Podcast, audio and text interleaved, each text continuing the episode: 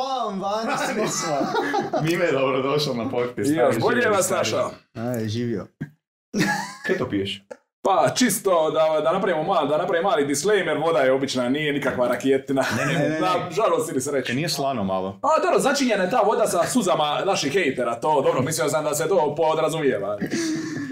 ZZ. Ovaj, nego daj, ovaj, malo se predstavi, ko si, kaj si, zakaj si tu. Pa ono, da kaže kao bi Željko Kokerom reka, ko sam, šta sam i zašto sam.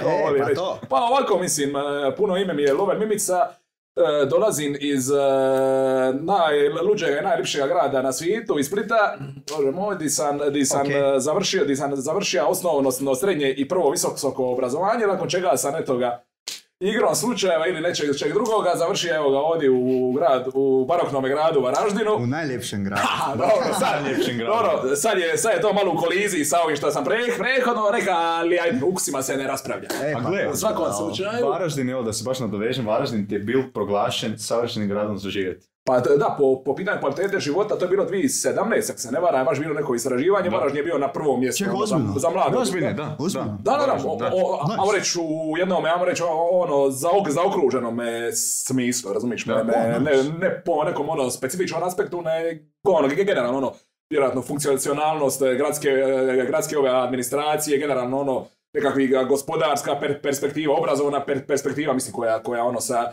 sve učilištem sjeverni fojen ono raste Ne, pa to i- je- izuzetno je. tako, tako da mislim to me ono uopće ne, ne ču- čudi, mislim, mislim ono Mis- Mislim, zapravo nije tema ovog podcasta, ali ono da, kad sam doselio prvi put u Varaždin, ja sam doživio ono što se naziva kulturološkim šokom. Mislim, do, do, do duše- država, e. Pa, pa ono, mislim, ono, bi- ču- čudno mi je bi- bi- bilo. Aj, kužim puno da si u Međimurje otišao. A, pa, ali- u Međimurje, to, Za to to bi ti onda... putovnica treba. To, to bi onda, to onda vjerojatno ne bi ostao oliko dugo uspio, jer u Varaždin sam se i uspio ono koliko toliko aklimatizira, čuje se čak i po ovome što ne govorim više Varaždin nego Varaždin. Varaždin, Jel, tako? A, svaki čas probratili smo te. Kako je ovo bilo awkward. Evi ga, mi takvi smo. Bože, Bože. Da, Ljudi znači, znači kao što sam e, počeo e, u Varaždinu sam još e, nakon ekonomskog fakulteta sam završio još i, fa- i fakultet or, or- or- organizacije informatike gdje sam Čekaj, se ekonomski si završio u Splitu. u ne? Splitu. Tu, da, da. Svaka čast, gospodine. Hvala lijepa, Evo ono. ruka, evo ruka. Hvala, hvala, ono. E, I, i tak te, te sam e, nakon e, uspješno odrađen e, edukacije na FOI-u sam u, ovdje u Varaždinu sam pokrenuo mikro agenciju za razvoj ovih web aplikacija, web stranica, web tr- trgovina i nešto se malo manje bavimo još i digitalnim marketingom. Pa evo da napomenemo. Pa nama Nama stranicu nama Pa da, da, u, u, uz ostalo, da. Da, da, da. Hvala ti mime. Nema nas znači. Sebe, hvala, hvala. ti, evo ruke. A šta ću, šta ću kad sam dobro. Dobro, mislim, to, to je sad ono u kratkim crtama nekakav ovaj profesionalni CV, a sada malo ono reći ovaj soft dio, to jest privatni dio, e, mislim, op- općenito sam veliki ljubitelj e, Hajduka, mislim, i, i, i ono nogometa općenito. Kad to ide te- jedno s drugim, ako si iz Splita, onda Ako automatski. si iz Splita, onda ti je to zapravo ili zapisano u nekakvom genetskom kodu, ono, to, je- to je nekakva teorija, taman, taman, ovi znanstvenici sa CERNA precizno ono, utvrđivaju koji je to Hajdukov gen, ali nešto, nešto kažu da je u tome. Ovo je X. To je onaj Z, Zege. H, nije nego H. Ha, može, može, misli, logično. H kromosom. Ha, kro, Hajdukov promos. Homosexual. E, pa šta? Sve povezuješ s tim, ovo me džava ga lipi. Pa ne Znači, možeš pobjeći od onoga kaj je. Bilo je pa tu. on možda ne može, ja, ja u to ne ulazim, ja sam. Ne, ne. Nego- Svako ima svoje. Dobro, to on osim, osim Hajduka, još se, se također se, se amaterski se još e, bavim, e, doduše ne velikim nego malim nogometom, gdje sam vratar, mislim, e, logično, ono, ono draže mi je branit na golo 3 metra nego na onom od 7 puta 2, mislim, svakome normalno. To također, dobro, onda imam i bavim se još jednim malo ekstremnijim sportom, to je šah. On, o, o, o, o, o, Ekstremniji, da, da, ono, daj. to, to, ali sam, ali, ali sam ono kad, kad nabijem ono punu fizičku. Da, Dok nisi Da, da, da, to mora posebno, da, da, da, Ivančicu su, su dobro, ono Ozljede, ide nemaš prijatelj. tretmane, Da, da, a bože Igramo ti on i ja, frajer, drži leti tu na ramenima. Da, da, i šugomano, da, sve. Hladi šugomano, bože moj. Je, ozbiljno, ozbiljno je to, to. Šah je kraljevska igra, igra kraljeva. Pa, kraljeva, kraljica i konja. zna svi, ima, zna svi prijatelji. A, igraju i konjevi. To, to, te, to te znači uz, uz ovo, uz ovaj, ajmo reći, nekakve sportske interese, također sam, mislim, koliko mi vrijeme me dopustiti također i vi ljubitelje čitanja, mislim, u zadnje vrijeme, do, do, duše to vi možda znate, ali slušatelji ne, nešto manje, e, sam e, dosta do, dosta intenzivno čitao razne ove knjige koje se tiču ču, bilo povijesti ili tekućih nekakvih društveno-političkih događanja, makar, e, dobro mislim, to bi, to bi, to bi čak možda mogla biti tema za neku To drugu epizodu, jer da, da, da, da, da. da, da, Ali daj da- napomeni za gledatelje ovaj koji...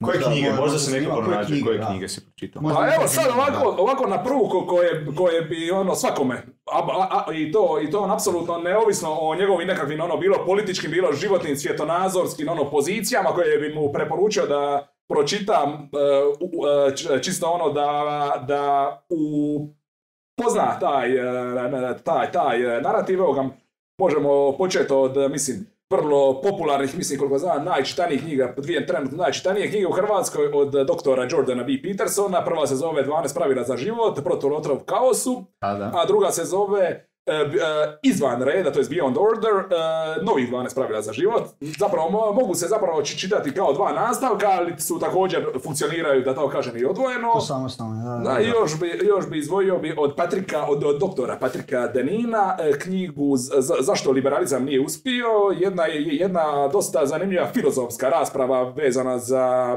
baš ono za društveno poli- politička zbivanja u našem zapadnom svijetu, ali sa jedne dosta viso ono meta ra- razine.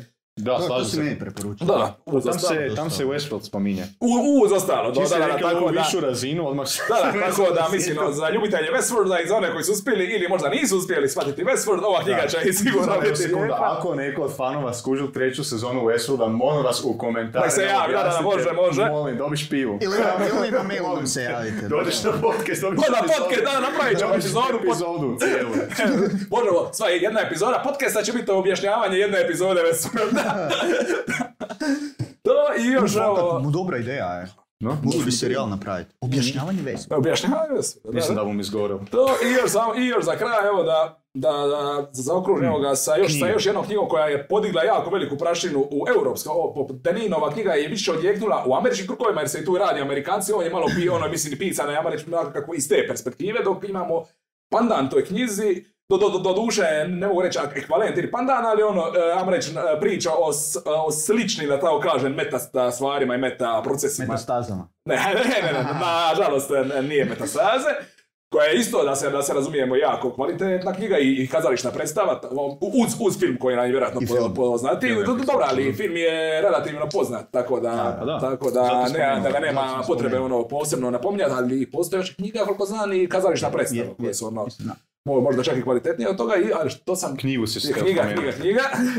E, znači, sugerirao bih slušateljima zainteresiranima za to područje od, Richa, od doktora Richarda Legutka, inače i zastupnika u Europskom parlamentu i poljskog jednog filozofa i političara ono, i profesora, knjigu Demon u demokraciji, totalitarne kušnje u, u slobodnim društvima.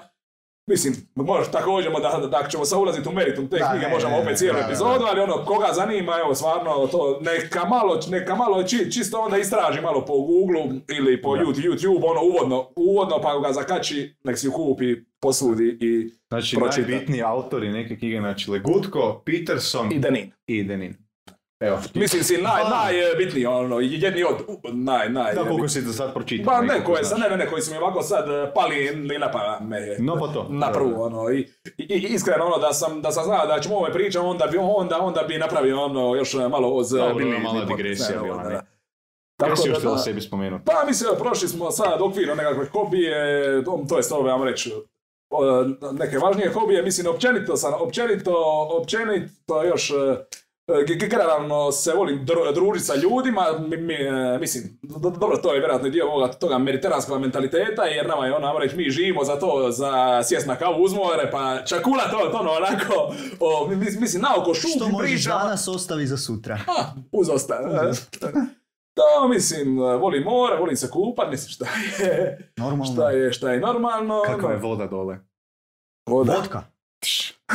Bravo. Čim dođeš na more, samo ih pita kako je voda i dobiš A bolje je kazni se sam sam da te ne moramo mi.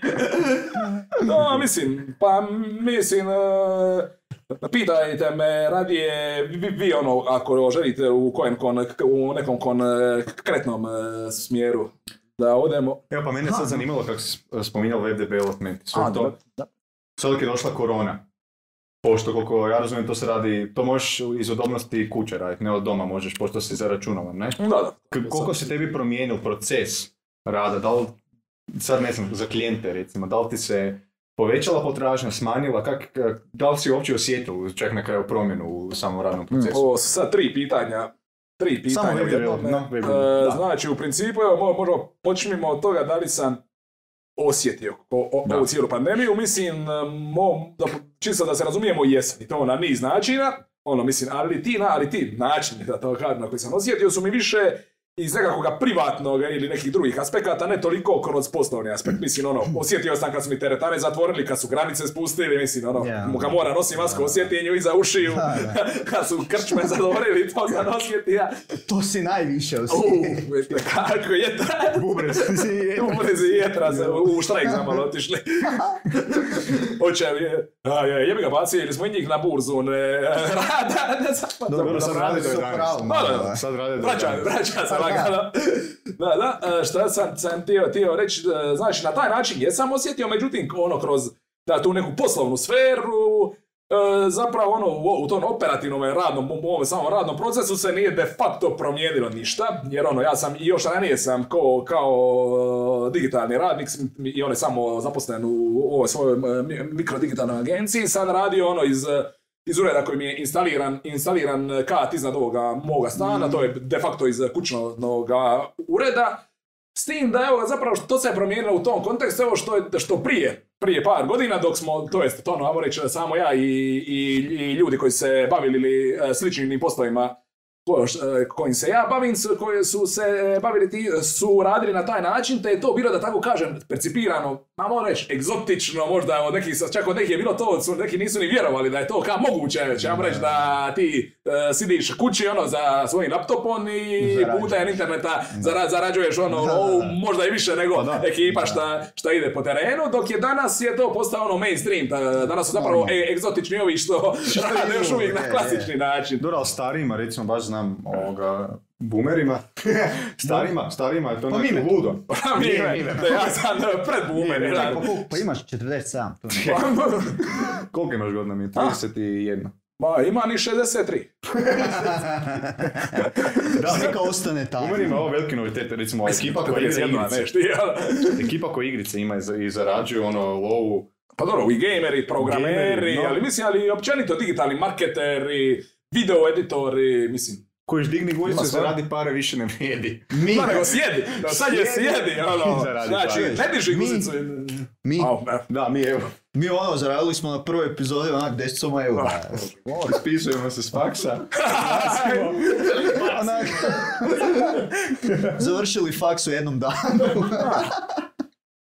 Da, da, da. Da. Evo, kužiš, ono, Ma, u, u momentu kad smo skontali, malo. evo, u momentu kad smo skontali da bolje znamo i da imamo više para od ovih koji nam predaju, smo odustali.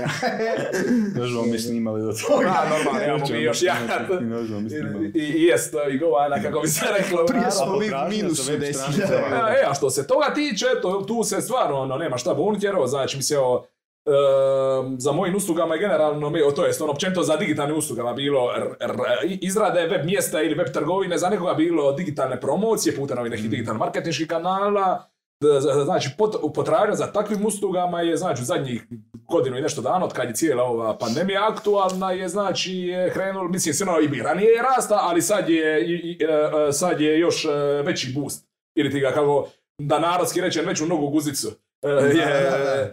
Dobila nego ranije, jer zapravo mogu reći da je ova korona u, kont- u kontekstu moje industrije zapravo neke procese e, e, digita- digitalne transformacije, digitalizacije koje smo već godinama već e, mogli slušati, mislim da ih je znatno ubrzao. Je, bilo je, pri, bili su primorani. Da, da. Makar i smo išli smo mi u tom smjeru, ono i nevezano za COVID, s da možda malo sporim tempom do toga Da, došli. Tako, ma, e, evo, evo, recimo, jedan podatak koji dosta će objasniti u 2020. godini je hrvatski GDP, BDP, bruto domaći proizvod, je pao za negdje 9%, pre, a i, znači tržište IT usluga je raslo za 5%. 5%, Onda znači pričamo o razlici od 14% poena. Da, to je samo jedan, jedan primjer, ono, možemo sad ono, to je meni i logično. i meni isto Pa je, potpuno, da, da, složno. ono potpuno s tim. Isto ajde da, da ne bi ispalo da je sve ruričasto, također je, narasla i narasla i ponuda ovih usluga, tako da je porasla je i konkurencija Je, među kolegama, međutim, ono, ne, ne vidim to ko sad neki veliki... I, To je veliki konkurencija. Pa, za sad je. Ne, tržište je, po mom mišljenju, ono debelo još od e, zasićeno. Tako da. A dobro, polagano, sljedeća dva tjedna su ključna. A, dobro, to, to ćemo vjerojatno ima i na vijestima i Bam. ti su i 2057. Ono, sljedeća dva tjedna su ključna. Bam. Da, da, da. Pričao si nam ovoga iz djetinstva neke priče o ciranjima ribice, ako se ja dobro sjećam. Kaj Mi bilo? bili djeca. Ja, Da, to je bilo prije saznati, digitalne. ja da. moram znati. Da, to je bilo znači prije nego što smo se bavili digitalni. To je bilo prije tih 400 godina, ne? To je Ne, prije... to je bilo u mom djetinstvu u, u vrijeme fara, faro, ono, faraonskog Egipta su se balzamirali ljudi.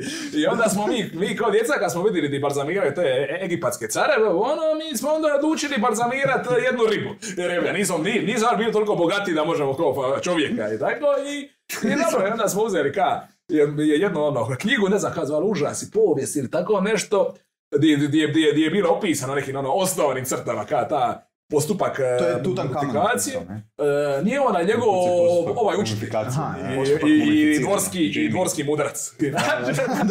Ima titul dvorskoga mudraca. I Koliko vas je bilo pri operaciji? A uvi me sad, šta ja znam, 5, 6, 7, ono, Da. stvarno, ne, ne mogu se sad precizno Da, neka ekipa ono, stažirala, bili su i doktori.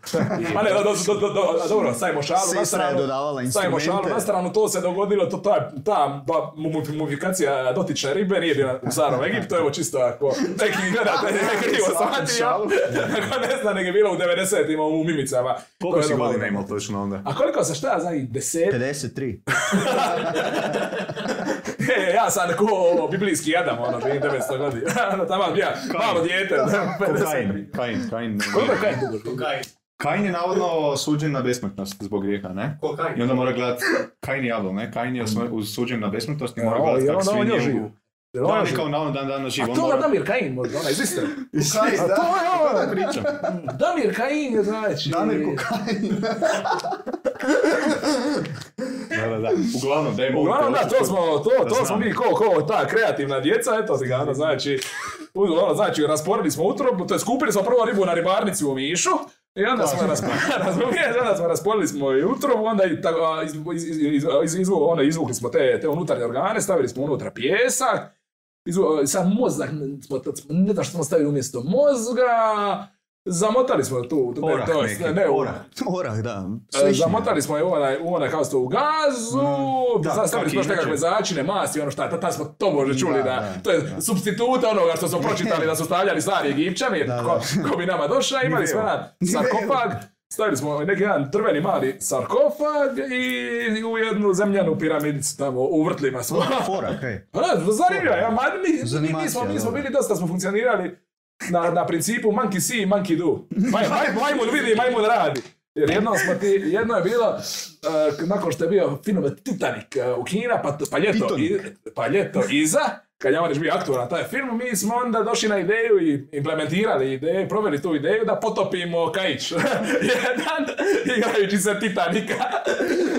Dobro, to je vrijeme prije ovih mobitela, tako da nemojte se Da, čuditi. mnogi sad mogu... Pa da, da, omladina se danas, danas se potapljaju brodovi isto samo na drugom da, mobitelu, da. mi smo jebi ga. E, ona, ona, onaj board game, potapljanje. Podvor, ja, da, je ej, to top, smo igrali. To, dobro, i to smo, smo igrali, ali na papirima bilo. A, da, na da, papirima. A, 2, B, 3, da. Da, da, ali to je meni top Da, da, bilo. da, Da, da, da, moram da. negdje doma najti. je. Je, pa imam ime sigurno, imaš? I, Ja sam to na papiru igrali, Da, znam, di je- pravila. di je ribice, e? A ne, ribica? zakopana, šta ja znam. Ste našli? Vjerojatno je završila hi, hi i ovi ostali faraoni, došli neki lopovi i raskrvnili grob i. Ili, ili mačka možda. Imala, imala je zadnje suđenje sa perom, da li bi išla u raj? Da je to bilo u Egipatskoj. Da, zadnje suđenje, ako ti srce lagne, ako ste... Ako ti je duša ili srca teža od pera, tako, onda, onda, ide, onda ideš u pakao, ne ako je lakše, onda da. Onda znači zapravo svi. Nego, da se mi prebacimo nakon ove šalice, da se malo prebacimo na zajebanciju. Zajebanciju. Ovaj, pa zaki si tu uopće. Putovanja, Alen. zato imamo tu Tako je. Alen ja smo pričali lepo. da naj, i baš je sebe rekao, mi smo putovali evo za vrijeme ove korone od uh, kauča do friždera. A dobro, za vrijeme ove korone nas je većina ta- na to osuđena, na granice svoje države. Od mislim, do i od doma do studija. Je. A dobro, ajde, može se i crnog Varatina, do Zagreba za ove malo avanturistički. To sve prek crnog jajeta, shoutout crno jaje. Evo opet crno jaje. Imali su dobre ponude. E, da, znači, ali da, ovdje smo, koliko, koliko sam shvatio, ono, u pripremi emisije, da razgovaramo o dobrim, starim, pred-covid vremenima, Da, ono, da, da, da. da ih ne bi, da ih, da ih očuvamo, ono, da ih, da ih očuvamo na životu, to ta, Daj Da, sebo pusti za dobra stara vremena, nemoj copyright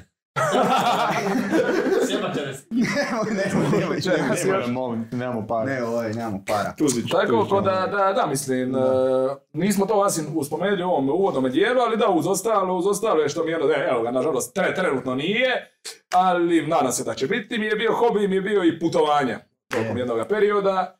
Mislim, ono, bilo je tu sad e, i e, raznih mini tripova po Europu, mislim i po Hrvatskoj, da se razumijemo, jer ono, da mi imamo jako lijepu zemlju i po meni je tra, tragična činjenica da jedan, da jedan značajan dio naših sunarodnjaka i sugrađana e, ju ne poznaje, ono, te poznaje ono, to je da što je poznaje puno manje nego neki turisti iz nekih zemalja. To mi je, to mi je jako negativna činjenica, ali dobro. Tu, to je opet malo e, skakanje na drugu temu, ali e, znači, e, mislim da ba, što se tiče mojih ovih putovanja, mislim, E- Europa, dobro, svaka kako može biti zanimljiva, jer mislim da, da će i gledateljima i vama biti zanimljivije je da porazgovaramo malo o dvije, o dvije egzotičnim egze- zemljama. da, Da, o dvije da. egzibi, ove tu ekspedicije u jugoistočnu Aziju koju smo napravili u ljeto 2018. i ljeto 2019. Te Bilo je u planu i 2020. ali bože moj, znamo šta se dogodilo, ali pomalno, na, nadam se 2022. da će biti Da. lukrativnije. Da. U No. Wuhan da idemo fino. A ono, kad je bale ne, neki maske, ali ono, Wuhan, i to na onu tržnicu idemo jesti šišmišu i u... Cijepimo se s Pfizerom, I dvije doze ako to, ako to preživimo, onda moramo ti. Može. Nego ovaj, kaj smo, dogovorili smo Vjetnam i Kambođu, ne? Budući da, Da, ekipa to malo Počni m, od ne pozna, najboljeg dijela mime. Počni od najboljeg dijela. Au, ima, to, ima toliko dobrih dijelova, tako da... ajde, super, Ja bi počeo, imamo- ja počeo, prvo ja bi počeo. ja bi počeo od početka. Da, malo Ovo- ovo prva, druga Pa, ruta, to Evo, da isto možemo, ja bi počeo od najhrabrijeg dijela zapravo putovanja. Da, možeš. Evo Jane, ako možeš e, slika dole, dole. e, treći red, e, krajnja desna. Ovo je, to je bio početak. Početak. Ovo je najhrabriji jer ova slika je slikana u Beogradu gdje nam je startao, gdje je startalo prvo putovanje, ono sa avionom Beograd-Doha i Doha-Bangkok, Bangkok, e, Haja, Hanoi. I mislim da je ovo najhrabriji moment kad smo u, u, u, u širem centru Beograda na kratko digli. Nisu vas grobari, ne? Vidiš dat A, vidiš vidiš- vidiš sam točkice od snajpera. Daj zoomiraj sebo za Ovo, svaki da. slučaj. Ovo je, ka- kaže, ovo, ovo, ovo ajmo reći neki početak puta, nakon čega smo, e, nakon čega smo, znači, e, S kim si to E, išao, oprostiti? Išao sam sam sa dvoje kolega sa fakulteta organizacije informatike i, i oni su zapravo i braća Gabrići. I, oni, i također se, dobro do duše ne, ne rade u developmentu, ali isto su digitalni radnici, ono s tim da, da su oni više orijentirani na digitalni marketing. Aha, no, Da, no. da. No dobro, znači, krenuli smo, prvi, e, prvi put smo krenuli iz Beograda, bio je let e, Beograd, Doha, Doha, Hanoi, e, Doha, Bangkok, glavni grad Tajlanda i Bangkok, e, Hanoi, glavni grad Vjetnama. U, puno ste onda prisjedali. A mislim, e, da, da, dobro, to je kod tih letova uvijek je, uvijek je balans ono broja sati i cijene. Uvijek se, u- uvijek se traži nekakav ono optimum ono između toga dvoje, jer teoretski postoje ono, na, dobro, ne direktni, ali ono, letovi samo sa jednim zaustavljanjem, ono, ali to se i sa ono minimalnim čekanjem između, znači teoretski može za 9, 10, 12 sati doći, ali ono preko Pariza, ali to su ono troduplo ili peteroduplo su veće, su veće cijene karata. Tako da ono, kažu, uvijek je to, zavisi koliko ti je pressing ono za neki partikularan datum, što nama nije bio toliki pressing, za razliku možda nekog poslovnih, poslovnih razloga. Tako da, da, da, mislim, bilo je puno presjedanja, ukupno je to trajalo, Aj, baš sam te to... to je trajalo, da. ma mislim, pre, sad, stvarno, sad, sad se ne sjećam točno, ali bilo je to između e, 20 i 30 sati. Smo ono, U, solidno. sa, sa, sa svime, sa, sa, sa ono, zaustavljanjima i tako dalje. To stanemo je pol godine, već, da čekam samo da idemo. Znači, ono. A da, ali, e, da se razumijemo, iskoristili smo dio tih ono, pauza i da upoznamo dohod, na, na primjer. Pa da, Jer iskoristili Evo, najbolje, to, to, to je bar, bar meni dojam, ono, ako, ako ste igrali Prince of Persia onu igru ili gledali crtić. Gledao sam crtić. Poznato. E, pa uređena je zapravo u tome štihu. O, ali znači, ali ne u smislu da su to, da su to neke stare ruševne građevine koje se ono čuvale, nego, nego oni su ono na, na novo sad, nakon onoga Novo naftnoga samo u tom buma. štihu. U kao tom štihu, da, da, u tom štihu, ali, su, ja, renovirali ali jako kvalitete, Da, da, da. no, no, no, no, nije ono, nije ono, da tako kažem, ono, isforsirano nešto, ili, b- b- jako me ono, u tom estetskom pogledu grada Oduševija, mislim, iznenadio me, u, da, da, mislim, mislim, do, Čak to je u Katru, ne? e, da, Doha je glavni grad Da, i da. Katar. Koji, di su neboderi u levelu od Prince of Perzija? Da, dobro, ne, nisam mislio na nebodere, nego na ove kuće lokalno, jer ovo, ovo je samo, vam reći, jedan kvart u Dohi, je ovo taj sa, sa neboderima, ono, ja sam ga zvao Manhattan, Ovo se možete reći, Ja, Manhattan ili... ali ono zapravo je u dosta arapskom štihu, ali među, među, među, međutim, ono, razbili su mi puno nekakvih ono pri- prirodno usađenih predrasuda prema, prema ovom arapskom svijetu. To je ovo, U, evo. evo recimo, ovo, vidite, ovu tvrđavu. Znači ne znam kaj mi je ljepše, onaj... Onaj dio s neboderima, ali ovo je Da, ta- Čaković, da. Da, malo be- becenezira, ali meni, meni je bio e- egzotičniji ovaj ono tradicionalni dio grada. Da, to je, jer da. ne bude remisli, ne, ne bude ne mogu vidjeti vam. Da, da. dok Da, taj arapski štih, ono, i arapsku kavu, tamo sam pio, evo, da se razumijem, najbolju kavu u životu, Ozbiljno. u, u tu u Kataru. Ček, espresso ili baš se posebno nekak slaže, znaš možda? Pa, ta arapska kava, ja mislim crna kava imaju dosta šećera i dosta Da. kave i dosta kofeina. U principu dosta svega. Ček, kofeina ima. Logično. Aj, Milanović mir, je. No, tako da, tako da, pričao si mi o stereotipima, kaj ste reći? Pa ne, kažem da, da su, na, ne stereotipe, nego ono, im- imamo, e, mislim, logično, svi, svi mi koji nisu bili na nekom mjestu imamo nekakve ono mentalne modele kako, kako to mjesto i, i izgleda. I to, i, i tko- tako sam imao ja ono o nekakvom standardnom arapskom gradu koji treba izgledati kad sam došao tamo, ono, nije bilo tako ka- kako sam očekivao. Mislim, bilo je, opet, ra, razumiješ me, radikalno drugačije nego, nego ovdje, to, Normalno, to se razumijemo, ali sta- na jedan da. skroz drugačiji način. Mislim, ne, ono, teško mi je sad, ono, preprezentirati k- kako to precizno me, ono. Ono dva svijeta za različita Da. spojena. Da, ali kažem, ali- Ti u, u, e, dosta, su mi, e, dosta su mi ostavili možda bolji dojam nego što sam očekivao. Pa to je super. Ne, ne, To je stvarno, To super, da. No, Znači, preporučaš da... Preporučan i mislim, ja osobno bi volio ono, bar, bar neki možda mjesec dana ma- malo upoznat taj, taj arapski svijet. svijet to, Može, malo tamo kad nam dozvole, kad se s drugom dozom... Pa dobro, tamo je onako vrućina, tako da COVID nije to tol- toliko opasan e, u vrućim Da, zato sad kad je ljeto ovoga budeju Tamo, maknuli mjere i sve zbog... tamo je stalno ljeto, vjeruj mi. Tamo izađeš, izađeš ono, ono, bilo iz bilo kojeg klimatiziranog prostora, tebe znoj oblije u roku 30 sekundi. Znaš ti ko je, to, to, ta pustinja, ta ono pustinja kad uprđeno iz svega, ono, razumiješ, ono, vrućina ti izlazi iz svega, razumiješ, iz poda, iz ono. zidova, Ima nekih pravila kaj se ne, da ne smiješ raditi u Dohi, da E, da. se čini najnormalnija stvar da tam ono u čuzi možeš završiti. Dobro, sad u čuzi, b- dobro, možeš. Pa mislim si, ono, Znamo postoje... Martina. Uh, na ne ko, ko shvatio u guzi. E, šta sam, sam htio reći? Pa da, ima, mislim, o- o- oni su, mislim, imaju, bože moj, oni su uh, apsolutna monarhija, to jest, uh, uh, ustavna monarhija su. Oni su monarhije. Monarhija, da, da, da. Ima emir, emir je na čelu. je Kambođa kraljevina? E, da, ali parlamentarna monarhija. Parlamentarna. Ono, tamo, znači, prav, nije ona, ne, ne znam, 50%, ali dio vlasti ima kraljevska obitelj, dio ima parlament. Ali Mm. kada ćemo samo neka završi na Da, može, može. U, ali u, u Dohi kralj ima punu vlast i dobro, mislim, te, te, ta, također, e, dobro, po, po, postoje i određene, i određene ove grupacije koje e, vrše i izvršnu vlast i sve, ali kralj je ono najviši, najviša instanca. U Dohi sad, sad precizno stvarno ono da se zna da, da, da, da će mi pita pa bi baš e, pročitaj ovaj e, ustav da budemo sigurni, ali u svakom slučaju što je tamo zabranjeno, ono recimo ovdje nije, je govoriti protiv kralja. Znači, ono, e, eksplicite je sloboda govora je, je dozvoljena, smiješ govoriti protiv ovoga državne ekonomske politike, ono, kontra bilo čega, ono, Ali direktno, osobno protiv Direktno se kralja. ne smije protiv kralja, ne znam, i vjerojatno protiv njegove obitelji i protiv ono Alaha i Muhameda. I koje su Da, da, sankcije, znaš možda? A, vjerojatno koliko ovisi o tome koliko oštro i koliko puta zaredom Ono, to, ubiju to te, ne? ponovno. A, a, dobro, nije baš, ne, nije, ne, ne, nije baš ono da je to nekakav ono manijakalni režim da. koji ubija svojeg se- U Sloveniji dok je bil policijski sad, Sebo da je zašao van njega bi upucali. Da. Ali, e, ali šta mi je bilo zanimljivo, e, ako out građanima koji, koji znači završe u zatvoru, sad ne znam se odnosi na sve, na sve tipove kazne ili samo na dugogodišnje, ali država preuzme brigu o njihovim obiteljima. Tip ono, ako muž završi u zatvoru, država, ono, njegova žena ima pravo od države na nekakvu na, na uzdržavanje. Viš što je zanimljivo? Da, da, pošto e, primijetio sam da su e, barem prema ovim svom lokalnom stanovništvu dosta socijalno osjetljivi, znači ono, mo- postoje relativno laki načini da se dobije stan e, ili nekako besplatni, ili kre, besplatni, ovi beskamatni ili bespovratni krediti za školovanje, ono, i niz stvari. Tako da, zanimljivo, to onak ruši dosta predrasuda. Pa da, pa ne, to ono, kažem, ono, ne? Ono, puno toga ono iznenadilo, ono, Da, da, da. oni imaju ovo, oni, da, kažem. Viš što je zanimljivo? Razbili su mi dosta predrasuda i što je još, no dobro mislim nema alkohola, to jest imaju ali samo na nekim ono specifičnim mjestima gdje ono, koje, di- koja su više možda, koja su više namijenjena ovim zapanjacima Da, sa- sa- i ekspertima, do duše e, smiju i lokalci piti alkohol, ali ako su muškarci, a žene smiju ako imaju pisanu dozvolu muža.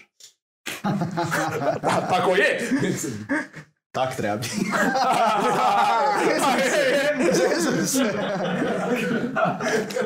Ja. Ne, ne, u nas, u nas je, će uskoro biti da, da muškara smije u krčmu tek kako mu žena, Kad mu žena kako mu žena da ja. dozvolu, inače nema pive. Dobi dozvolu i kičmu nazad.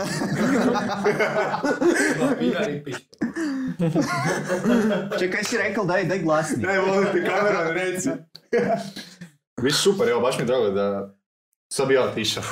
sad bi ja otišao. Ti, a ti bi još se tamo bolje uklopio. Samo staviš onaj bijeli mantir ti bija lokalac. Isti je, Idemo Alen i ja, i Alen Ale, napišem ale, dozvolu. zapanje. Alen dolazi s menom, Alen drži dozvolu i idemo piti. To mi onda ređe mora pos, posuditi kosu. ovaj. Da, da. Podsudi kosu. Ma ima ja jedan bolji način kako bi tebi mogli kosu. kako bi tebi mogli kosu ponovo uzgojit. Ne, baš sam te to pitat, počeo sam malo ovoga, godine idu. Godine, lete, da, da, a lete kosa, kara nema rakete, već smo blizu 45, a? Pa ti si tu. ne? A ne, ja sam prišišać 45. Da, bez tri, da, sam. Ne, 67. Mi nisi rekao 67 i 3 mjeseca. Aha, evo, e, moram, moram. Kad nisi 67. godište, 1867. Ne, 700. da. Ja sam prije francuske revolucije, ja sam u, je, u ono je, doba. Je, je, je. Jamie, molim te sad ovo slušaj pažljivo. E, znači, što, što smo, aha, znači ima, voditelj, nam kaže da bi ti ja imat dužu kosu ili bi bogatije. Da, da, da, da. Volumen da je, da li ne gledali, ako ste gledali emisiju Globalno sjelo, ja se baš pamtim jednu ko- koja je dovodila ono razne zanimljive osobe ili osobe koje se bave zanimljivim stvarima u svom svoj eter. Znači, sjećam se baš jedne davno, davno je to bilo i rane 2000-te. E, bila, znači, bila, bila je jedan ono sad, ne znam, obitelj ili tip, što ti je ono imao čudotvornu, ne, ne, ne znam je li se- Čudotvornu kravu. čudotvornu, znači metodu za liječenje čelavosti i, i, i to na način da bi znači e, njegovim pacijentima ili klijentima kao god bi e, njegova krava lipo dobro analizala tjeme i on je tvrdio da, da, da je ta slina od tih njihov- njegovih krava da je toliko ljekovita i čudotvorna da kosa prora- poraste. Ne, molim te sebo, nađi mi sliku. To E, imamo, e, ima, da, da, da, imamo, ima na, na internetu i slika. A ne, Ante Pavlović će čelavost rješava, centriranje, da, to, je, to je druga metoda, ovaj putem krava. Klopite. Da ti krava liže tijep. Daj reci Jamie kaj da upiše. Piši čudotvorni. Ne, napiši globalno sjelo. sam vam ja na, na Messenger one slike. Ma nismo ti mi tako ovoga pripremljeni. Hoću da publika teško, doma teško zna kak je loša situacija. teško da će ti baš na Čudotvorno sjelo je napisano. Ne, ne, čudan. Aj, kao liks. Glob- kao liks. uh, Kao Piši globalno sjelo krava liječi Ne, možda pisa kao liks boldness. Tako nekako. Jer ono, nije to samo da izmislio taj, taj naš čovjek, ono, izraživa sam ja poslije malo o tome, to postoje ono, neki ljudi koji tako, Mene zanima koji par tako liječe. Mene sad baš zanima par stvari oko toga. Evo, sad Ovoga, Prva, to je jedna kravica, to je da li ti oni da dijele tu kravu ili ti možeš odabrati kravu? Pa vjerojatno, vjerojatno dobiješ onu, onu kravu koja je slobodna to, to vrijeme, zavisno koliko, ako si sa- samo ti jedini čeravac koji je došao, onda vjerojatno možeš izabrati ono, ko, koji sad cijepljen, ono, ako ima dovoljno, onda možeš izabrati koji ćeš, ako nema. Jer me zanima ovoga... Ne, gore, gore, gore. Gore, gore. Tak isto dok ti krava liže, tako je gore, Ne, gore, gore. gore, ne to, dole. ne to. Aha. Gore, gore. Jer koji zanima me koliko, koliko krave Gore, žive. Ne, gore, gore, gore. čovječe. 20 godina žive krave. Prilike, ne? Nemam pojma. Da li ima, da li ima, da li mora krava dostići određenu dob da dobi čudotvornu slinu Mm, protiv to je dobro pitanje. To je jako dobro pitanje koje bi trebali, trebalo bi sad utrejsat eh, toga Treba, gospodina da, koji da, se bavi time, pa da njega dovedemo možda. Kako se zove, kako se zove gospodin? Pa, sa- pa, a bija si, si taman... eh, Znači, ovaj, Jamie onak vesla žestoko. eh, Jamie, Jamie. Dobar si Jamie, daj mi sve stisni. A ima ne, ne, pa skoro je došao možda ono nekoliko poruka. No, kužiš. ne, eh, prepoznao Bil si sam. blizu, bil si blizu. Ma nećeš naći tu, tu nećeš naći. Čuješ, ajde ovdje opet na slike i traži, ja tema, googlao imate iste još par stvari. stvari za pitat. Ovoga, Da, daj ovaj, dok on to traži, jer ne bu našel do kraja podcasta. Nama, nama ćemo, ćemo ispucat cijeli termin samo ti, samo za kravu. samo traži naše šalenje ljubomoran. Viš da mu kosa odlazi kada radi. E pa. A ja sam blizu, stari moj. Češljao sam si se i gledam, di si bila. Pa si Da, se i ono u češlju više dlake nego na glavi, a? Šokirao sam se. Šekirao sam se. Šakirao se. Čekaj, čekaj, da vidimo, ajde još malo, još gore. Jer smo poslali, poslali si nam, jer je, tu je bila slika gdje je krava imala, Dvije krave, da. gdje je išla po kremu. Za kosu, nije? Iznosak je posebna krema za to. Ne, ne, ne. Je, je, je, je. A, ne, dvije sam slike poslije. Dvije Jedna slike krava sam ti se blizuje tamo onako dobro go, onako dobro go. Blizanja, a druga je baš išla je u po procesu. drugu, išla je po drugu dozu, ne? Kako je to fascinantno, stari moj. odi još gore, odi još gore, odi još gore, saboli, saboli, saboli, saboli, saboli. Ram, pam, pam, Pam, pam, Evo ga, evo ga. Ne, to je Još popijač skoro, još posao. malo, još je malo. popijač E, sad posao, traži po slikama. Gore, gore, traži, rupe. ček, stani, stani, stani, traži po slikama, desno, desno, desno. Kriva strana, prijatelju. Tu dole ti je kravica, stisni. Ne, lijevo, lijevo. Još Ajde, gore. go- vrti gore, vrti gore. Vrti gore, idemo Jamie. Ide, možeš ti to. Jo, je. A to je to. E, čuješ, Dobro, i- budemo malo izrezali ovaj dio. Ovo mu A dobro, nešto. Neka, neka, ma ne, ovo je, ovo je, ovo je cringe mora ostati. Na tom živimo. Da. To je za OnlyFans. Ne, od cringe zarađujemo. Da. Pomalo, E, šta? Ajde, pa polako. Ovo. Evo Ako se nerviral, kosa bu te vlazila. Isuse. Evo to otprilike ovako izgleda, je, je, ali vidite koliko čovjek ima dugu kosu. ono, A kad je došao, bio je skroz. vidite kako je to. Nije before and after, daj mi, nemoj zezati.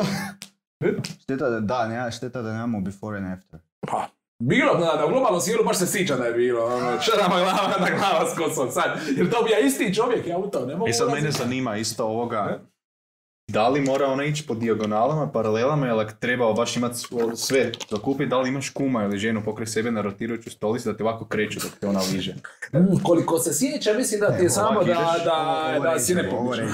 nepomično, Ovo se si, ovako. nepomično si onda te krava samo ovako, gori doli. I koliko tretmana to treba proći? A ovisno koliko si čeravnik, šta ja znam. I koliko si kompatibilan sa kravljom novom plivačkom. Da postoji vjerojatno sad tu niz faktora. Da ovu sliku dalje, molim te ovu drugu sliku još samo desno stisni. Ajde, još ta samo slika, idemo na putovanje, ovo bomo zrežali. Tu ide po sljedeću uh, kremu. Tu ide po kremu, tu ide po drugu dozu, ne?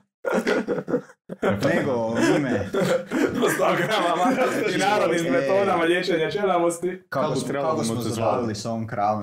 Ja, Je, za znači, užas, tjedan znači- dana i mene ne zanima Znači ono, meni je bilo dosta već. Krava, krava, krava. Ovaj, A dobro, evo ja, čovjek, čovjek je živija za ovih momenta, tako da... sve pripremljeno i život mi je došao do susret. Tako da, nek, Neka, ajde. nek, hajde. Samo dok je kose, života je, dobro je. Dok je kose, dobro bude. To je. Daj ovaj Si na sad. putovanjima srel te ovoga čudotvorne krave. Pa, sad ne znam, nisu mi lizale tjem, ali bile su ukusne, ono, ove, smo jeli povjetna. Jer tamo je zapravo, tamo je znači, ono, ajmo reći, ba, barem do, do, do, do duše, hrane se sa još puno širim ovim, e, kako da kažem, spektrom namirnica, ali i ja sam se do duše, jer sam po tom pitanju malo konzervativan, nisam baš zainteresiran za pase, zmije i tako, ja sam se dosta držao piletine i govedine. To je ono, Ja, e, provjerim. zapravo do, do duša se razumijemo, ta njihovo pile i njihov water buffalo ne izgledaju baš kao naše krave. Piličari, ono, ono, bile ga, to je bilo naj, nešto najsličnije piletini i vo, nešto najsličnije govedini. To je taj neki water buffalo, vodene krave koje zapravo obitavaju u, u, u- do- dosta često po jezerima i, i rijeka, ono, to jest u vodi, u, u raznim obricincima vode. Jer, e, tako da sam, u principu im je hrana ono zostalo bazirana na, na tome i tako mislim, razumije se na riži. Jer tam mislim drugi, ako drugi najveći na svijetu i, i izvoznik riže. Ja bi preminuo tam. Čekaj, ko je prvi? Vjerojatno Kina. Kina. A mislim, Pa log- da, ima. To ili Slovenija, tu su. ne mislim, mislim da Kina jedina i teoretska ima tu mogućnost, jer Indonezija Vjetnam je, možda. ne znam, Indonezija je dovoljno velika. Jer Vjetnam je ono izuzetno ono resursno, boga, o- ono, Da. ono, Da, da, da. bogato obradivim ovim Ne, eh, pa na, površinama. ne, kaj se toga tiče na idealnom su području. Plus imaju ne jednu kao mi, imamo jednu žetvu, oni imaju mislim tri ili četiri žetve. Da. Radi ono klimatskih. Je. Evo, Indija, wow. Indija je prva za... Ma ne, o- o- o- ovo je onda neka druga metodologija. Ovo- Ne, samo priznaj da, da, da, nisi evo- u krivu i to, da, si, da si u krivu i to je to. Ma dobro, mislim. Ovo ono- krave ližu. United to. States, kaj? U- USNA. Do, e, Ne, to ajde je, to je vidim, neke... ajde vidim, e, Vjetnam je ovdje če- četvrti, dobro, čak ako sam krivo, onda sam nisam puno, ajde, e, ovdje je treći, no dobro, tako, ali ajde vidim samo za eksport kave, onda, onda sam možda, sam, sam pobrkao s tim, Ajde, ajde, Kava je Brazil. ajde, ajde, vidim. Indija, Tajland, da, isto je. Ajde vidim. Dobro, Je, pa ka, to- je, kava je Brazil, ne? Trebalo bi biti, jel? ne znam, a, a, ajde upiši Ajde, Google, eksport. Jamie, Jamie. Jamie. Jamie. Da je eksport eh, kofi. Ko, moga samo promijeniti, moga samo promijeniti coffee prvi riječ, coffee export. Ma neka, neka.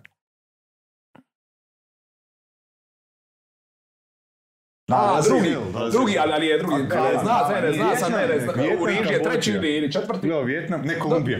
Kambodža. Cijeli sam Kambodža, Kolumbija.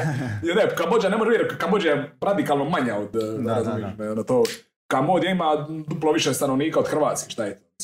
Ništa. nije to mala To vjera. New York. Pa, manje. New New York ima deset. Ne, New York ti... Ili da? Koliko ima New York? Jamie. Nema, Knowledge, nema- daj nam street Ne, knowledge. ne, ne. I- Ili ima.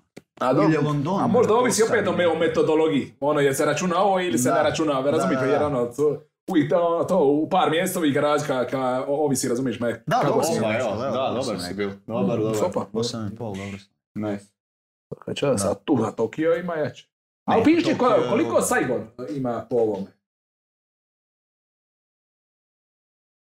Uuu, uuu, je. Aj vidi Saigon sad. Tak je negdje i Zagreb sa okolnim sjelima.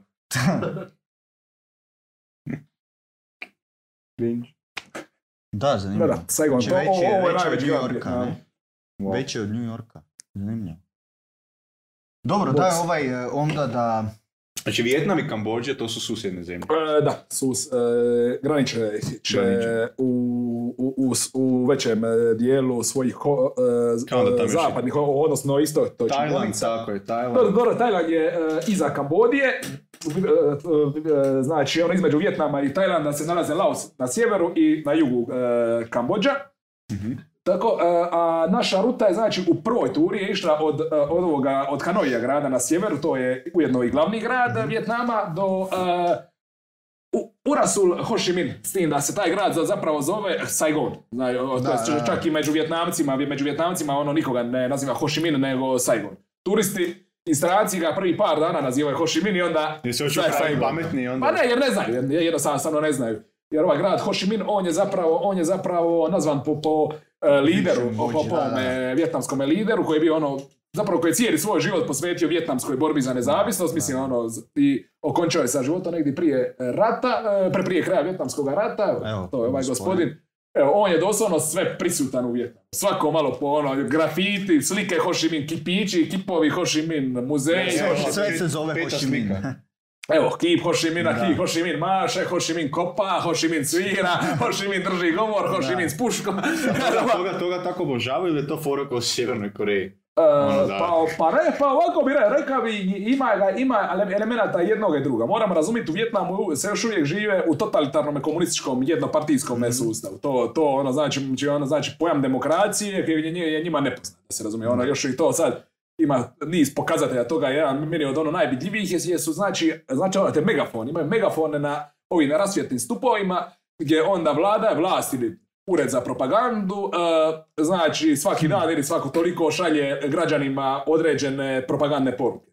I zanimljivo je da se te poruke znatno variraju ono od onih koje ciljaju na gradsko, obrazovano stanovništvo prema onima koje, prema, komparativno sa onima koji žive u ruralnim područjima. Mhm. Koje, jer recimo poruke koje se šalju u ruralnim područjima, do duže ja ih nisam osobno mogao razumjeti, ali što sam samo ono se malo raspitaš ono, o čemu se priča, u gradovima ono, se su malo više fok- fokusirani baš na neke konkretne e, političke događaje, ono, malo lo, lo, lo, lo- lo- ono, ulaze u, de, ono, u, u detalje, ono, na- na- naravno, i samo svoje perspektive, Da. dok je na selu su tu generalno one parole, ono, radite, rad će vas spasiti, Da, da, da, raz- da, da. razumijete, č- Da, č- čisto to one, o, o, one neke parolice što smo mogli sresti i u doba socijalizma i na, na ovim područjima, evo to je bilo u, u filmu, u filmu, u filmu Maršal, ono, živija drug Tito, živija se živjelo samo upravljanje, doli kapitalizam, doli buržoazija itd.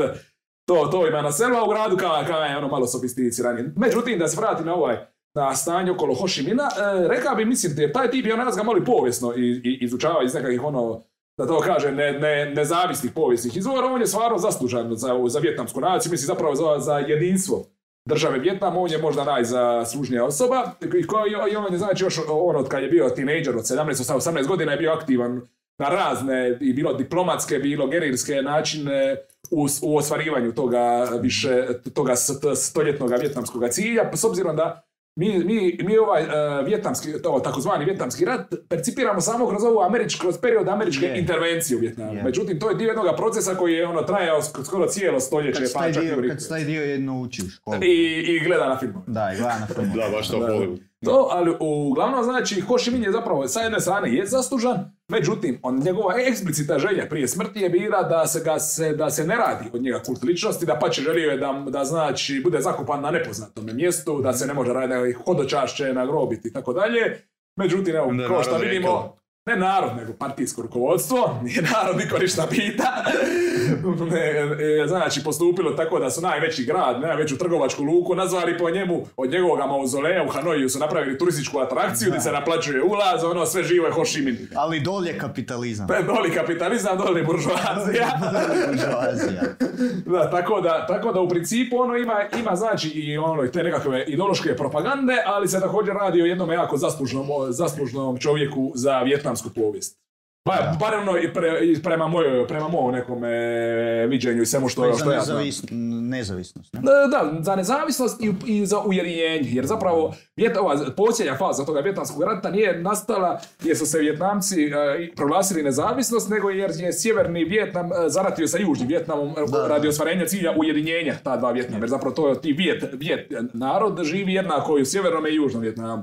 Razumijete, zapravo je to bila slična situacija kao u dvije Koreje, gdje isto je korejski narod se ne- ono povijesno, kulturološki nije razlikovao ništa do kraja drugog svjetskog rata, kada se radi či- čistih političkih razloga se je podijelio u dvije sfere. To se slično dogodilo u Vjetnamu, to je čak na temelju veze, je to bilo u Ženevi, potpisan bio taj mir, neka deklaracija i međutim eh, Ho Chi Minh je, je dobro prekršio i ono i eh, de, de facto ju je srušio.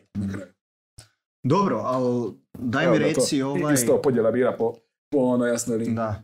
Vidio sam slike, ja isto ovoga, zbog bublice, vidio sam slike sa motorima. To si mi pričal da ste ih uh, iznajmili ili kupili tam. Pa da, znači, uh, f- uh, oba, u oba navrata smo, uh, smo, smo toga, to pitanje, ajmo reći, transporta riješili, riješili na šemu, znači da bi, kad bi došli uh, prvo u Hanoi, u, u drugom tripu smo uh, sletili u Ho Chi Minhu, sa- u Saigon, smo, znači, tamo smo kupili uh, mot, uh, motore, uh, u, odre, u, u uh, trgo- to jest u dva, u dva ra- ra- različita trgovca, te smo ih na povratku sa, na, na kraju puta smo ih za zna, ne, nešto malo manje novaca prodali. Stoga ono smo, de facto smo, smo dobili ono jako, jako povoljan, a mislim da je bilo, ja sam u mjesec i nešto dana toga najma, iza sam ga platio sa motor, nešto, mislim, pričam možda 70, 80, 100 dolara. Diš ti, ti, ti ovdje naći najam i to... Američkih dolara. Da, da, da. da. Ok. Mislim, pričamo o, o par milijuna dongova, ali ono Da, lakše da, je. da. Slušateljima će biti lakše e, ako u, u dolarima pričamo. Znači ono oko 500, 500 kuna na mjesec dana. Tako, 500 do 800. Da. Sad, zavisi, Pa zavisi je, li, je li, stvarno- je li računamo Da. sad promjene kočnice, neke ono finese, ali... Pa, ali, ali, stvarno ovo, ali da. Ma ne, pošto šema je što je znači ono u Vjetnamu imaš e, mo- motori su ti to pogotovo u Vjetnamu, ne, nije toliko u Kambođi, koliko u Vjetnamu, motori su ono sve prisutni. Ono, iz paštede ti iskače motor. Evo, podatak jedan. Hanoi, 7,5 milijuna stanovnika, 8 milijuna motora. Onda, o, o, onda ti je jasno koja je šema. Znači, ono, malo lošiji. Najpraktičniji im je valjda, ne? Pa da, i mislim najpraktičniji jer zapravo mislim ono, kad bi od tih 7,5 milijuna svaki ima automobil, ne bi to, ne bi to na dobro završilo. Rekla si, di imaš snimku ovoga di se voziš na motoru? Ima ih na, na YouTube imamo snimku. Jamie, idemo, YouTube. Ili možda imamo promet u onome fo- folderu promet, to ne znam. A, mislim da, pogledaj. nemam, ali pogledaj, svaki slučaj. Evo, e, e, evo malo slike toga Daj prometa. slike malo prometa. I ovo čak i Da, nije da, puno. da. Ovo čak i nije puno. To čak i nije puno. Ne, ovo nije puno, is- iskreno. Da. Ovo ne, ovo još i dobro. Ne, to doslovno sam bio sam u Ovo situacijama. Evo. Bio, bio sam u situacijama doslovno ono da, i to ono, da se kilometrima voziš ti u jednom pravcu po jednoj cesti, tebi je sa svake strane sa Ovdje mi je na ovoliko udaljenosti jedan motor, ovdje mi je na ovoliko udaljenosti motor, ovdje mi je, ovdje mi je, ovdje mi je i ovdje mi je i ovdje. Ono, do, do, dozano gom, ono, padne jedan, ne, padne jedan, to ono, gom, ono, će se, gomila će efekt. Da, baš to. I zato iz tog razloga se ljudi voze dosta ono, e, da to kažem, sa velikom pažnjom i sporo. Ono, znači, brzine nisu nešto ekstremno. Tipa, mi smo na autoputu, smo se znali ono malo potegnuti na nekih 80 na sad, vidi da je ono među najbržim vozilima. O, barem što se tiče ovih na dva kola. Da, To se je- tako da ono... To je ko ono, dok gledaš dokumentarce o Indiji, onda vidiš taj promet. To, Da, da, to je tak, tak nekak, ne? Pa, pa do, dobro, sine u Indiji su više zastupljeni ovi tuk-tukovi. To, Da, su, da. to su one ka, e, s s prednje strane motora, zada je, da je ona ka Je. mala ko- kočica. Kočica. Time, da, je reci kako se zove video, sam da nađem. Au, na- ovoga za Eurosonga. E, u, u, e, kanal je, ovo možemo katat, kanal je Darijan Tomas, ja mislim onda Crazy Ride Through Prom Pen, nešto, ovo ćemo mora malo, A ne trebamo, hoću da... ne Toma, Tomas, možda je ovo, Kaos, možda je ovo, ajde, ne, ne, ne, mo- ne. možda je ovo, ajde. Ne da vidim. A možemo ih nekoliko pustiti, No, pa, da, koji, pa koji budu zanimljivi će ostati. Ne da ćemo pojačati zbog Pojavi, to toga. je.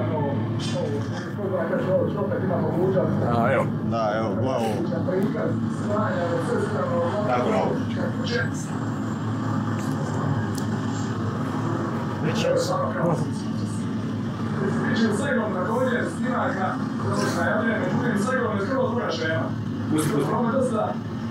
Tako, no. Pusti, pusti. Pojačaj još. Čovječe. Snađi se rođu. Kaže se druže, da. Te autoškolu u Čakovcu, ne?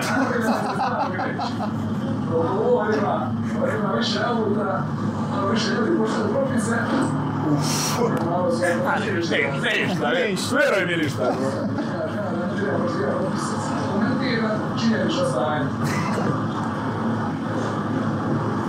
Слава.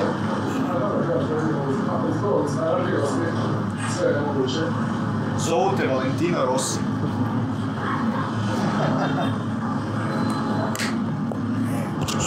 Martin Grint.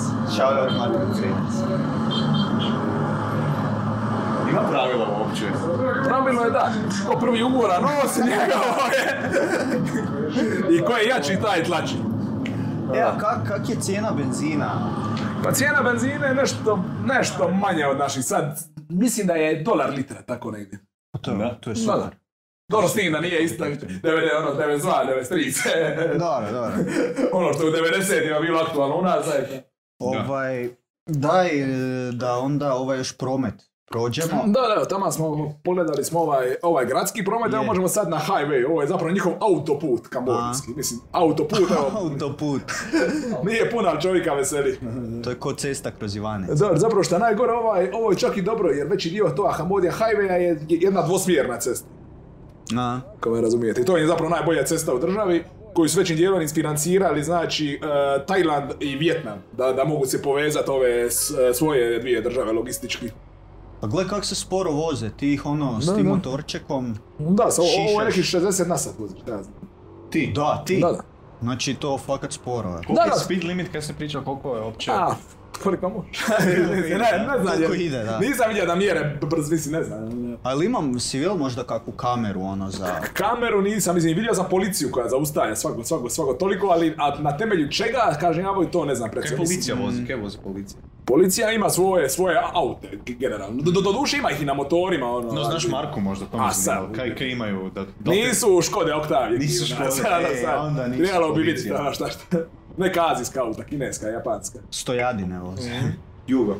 Ali da, mislim, ali sadarni autobusi su ovakvi, znači, ono, polu, zapravo kamioni, možemo reći. Da, to Ali ovo je... Dakle, ekipu, ekipa roštilja na vas da, da. to je. A ja mislim... Putuća kuhinja. Da, da, ovo je Ovo desno. kako, Isuse Bože.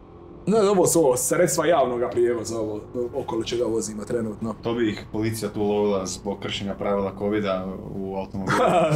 da, da. Viš zanimljivo. Da, ali, ali kažem, ova tu cesta po kojoj se upravo vozim je čak je komparativno i dobra sa ostatkom te Cambodian Highway, ono koje, znači u principu većim dijelom je dvosmjerna cesta i to krcata rupa. Ono, ja sam, s, je- je- jednom sam zamalo se islupao, ono, jer mi je samo ono, bila ovoliko duboka rupa, Da, ono, samo si- samo je uletio sam s nosom, ono, unutra i ono, Ko Vin Diesel u onom mimu. pa tako nešto. Evo, on bi bio to je- dobar na tretmanu. Evo znači to je, o, o- ovo smo sada vidjeli primjer jednog, ajmo reći, slaloma kroz, eh, kroz ove kmerske autobuse, a imamo sad još sam uh, van Kostović Mimica. Tu sam da je Janica vježbala u Vjetnamu za pripreme. Da, da, za Veleslave. Za Veleslavu. Moramo Niku Fly pitati. A, hm, Da je bude. probala nove, Za Super nove G. ideje. Da, da. Eto, to je još ima, još sam pripremio sa novom Jamie, uh, Jamie. imamo, jedan, imamo jedan video kroz, ajmo reći, ne toliko glavnu cestu, nego, ono, oko- nego kroz relativno sporednu. Da se razumijemo, postoje puno sporednije ceste od ove, koji ćete upravo vidjeti. Ne da ovo ide. Znači ovo je službena sporedna cesta. A, aha, da, službeno su sve. To si sa GoPro snima. Da, da. To je ono ko, ko put do gradskih bazena. Ko bude do gradskih bazena? Ne. Gle ima ekipe. Koliko je... Ovo su, ovo su moja dvojica. Aha. Ovaj... Ima tigrova jedna okolo. Welcome to the jungle. Ima kaj tigrova su vas lovili. Nisu nas lovili, ali... Da. Mislim, ono, Bengalski. pa ne znam, su bengalski, ali ono, generalno, ono, Vjetnamski. Ali oni generalno ne diraju ljude, ono, oni o svom poslu mi o svome. Da. A osim ako su gladni. Pa dok čuje taj zvuk motora, to To je misli ko zna koja beštija. E, Mrci ide. Ide s Ide mime. Ide mime, nema to. Gorila.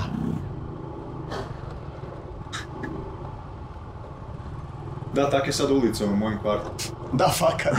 Dobra, ne znam, je li okruženo ovako šumetina, ono, bez ikakve rasvijete i Pa, skoro. Skoro, sve bilo to... E, ali problem je kod ovih cesta što se oni svako toliko se mijenjaju, ono, prima možda i prirodni nekim ono, razlozima i onda to Google Mapsi, to vamo reći nisu toliko ažurni. I tako, i svako toliko se dogodi ono, da piše na Google Mapsima da ima neke ceste, ono. Tak izgleda moj put dok idem u šumu. a. E da, samo što ovo, ovo nije. Kao Ovo, kao ovo, u Vjetnamu. ovo je odmah pored autoputa, ono, zapravo. Da, tebi piše stigli ste na svoju destinaciju i ti gledaš ono prvo. I koliko ste, koliko, koliko traje tur u ovom džunglom? Pa ovdje smo konkretno smo išli obaći neke hramo, ja, ja mislim da će sad u nastavku videa će se, vjerujem, e, prikazati. E, tako da mislim, šta ja znam, mi smo tu bili i ono pola prije jednoga popodne, ono, obišli smo nekoliko tih ono lokacija sa, e, gdje su bili hramovi, pošto hramovi su općenito bili... neki dojam da mi ulazimo sve dublje i dublje vamo. hramovi su bili generalno ono malo izolirani od ovih naselja da bi se monkovi mogli ono posvetiti tome ono meditiranju i, i da, to je miru. E, Bogu, Bogu, Bogu, hvala, drava s tigrovima. Ogromnim Evo, evo tigrovi. Leopardima možda. Tri leoparda na motoru. Jebem ti dravu, takvu. Dra, ne, bija, bija komentira da ovo ko na dravi, da, da, da. Isuse. Ovo je prekrasno, mislim, jednu ruku onak je cesta nula bolela. Boga mi da ima smeće. To ste imali lijepi trening za, za podlaktice. Wow, Je, za guzicu ste imali. Ovo, to je za crve. Da. Crve u guzici, da. Evo, evo, ovo je kao u sredi džungle, ono nije bilo čovjeka tu, ovo nekako ono odmorište, ne znam. To je ono. Bađun napravil. Baš napuštanje ala karte, ovo. Med za studentske. A, dubogo u džungli. Aj, sad ti skontaj. Tu nika, niko nije bija 28 godin. Da smo mu šifrili. Lažun. Ljudi, falili smo.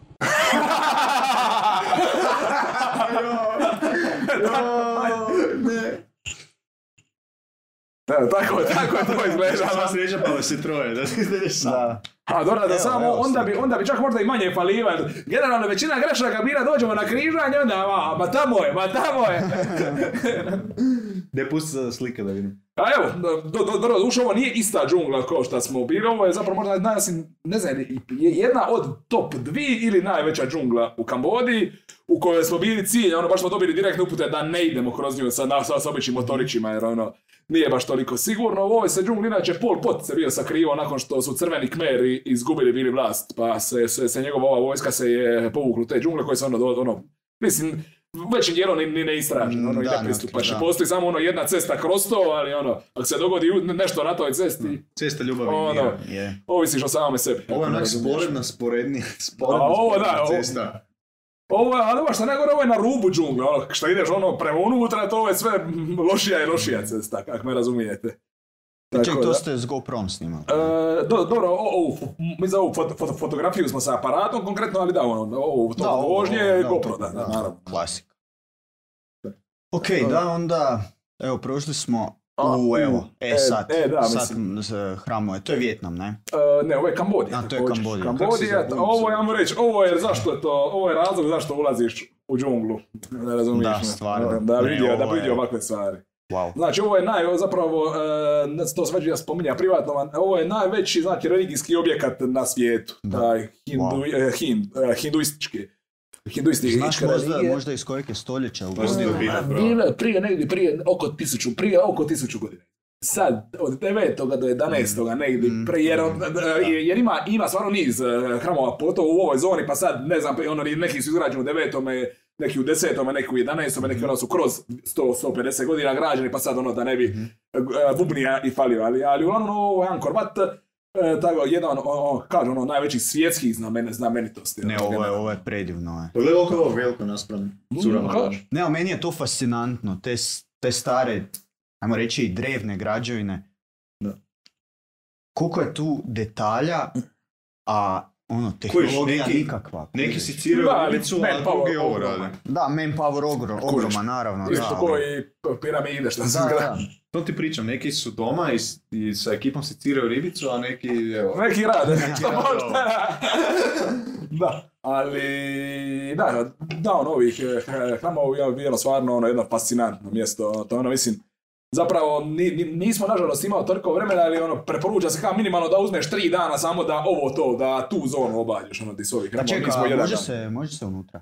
Mo, da, ma, uz Ula, m, pl- znači, i- imaš taj cijeli park, to je nacionalni park koji je krcat baš tih hramova. E, Ulaznica za jed, jed- jednodnevna je samo, možda lažem, je 30 i nešto dolara, mislim da je trodnevna je možda 60 i nešto, onda ima tjedna ono itd. Kuću, ono, baš sam čitao na većini recenzija da je tri dana ka Razumiješ, a se plaća se kad, to, to, to, toliko visoku cifru jer, jer jedan dio, jer ova je, jer, je- jer je zona je pod zaštitom Ujedinjenih naroda, Aha. o, o- odnosno UNESCO. UNESCO-a, da, UNESCO-a, pa se ulaže u održavanje e, svega, svega toga, jer problem je kod, jer kad se takve znamenitosti nalaze u siromašnim zemljama, to često budu osuđene na urušavanje, Da. razumijete? Stoga Stoga- tak se financiraju i tako se pa, restauraciju i da, da, pa da, se, jer, jer ono, ovo tu je, do duše, ja, ja, mi, mi- mislim, ono, jesam, ja, ja jesam su, su, su, suverenista to u svakom slučaju, ali, ali ono, kod ovakvih stvari ovo je, ono, ovo je možda ovo je- više od da. vlasništva te nacije, jer ovo je baš ono, ono ja- jako povijesno, ono, e, ono, kulturno dobro cijeloga čovječanstva, jer ono, ka- kaže, ono, jako Ne, sam pa iz Hrvatske, došao da se tu, sam ono, da.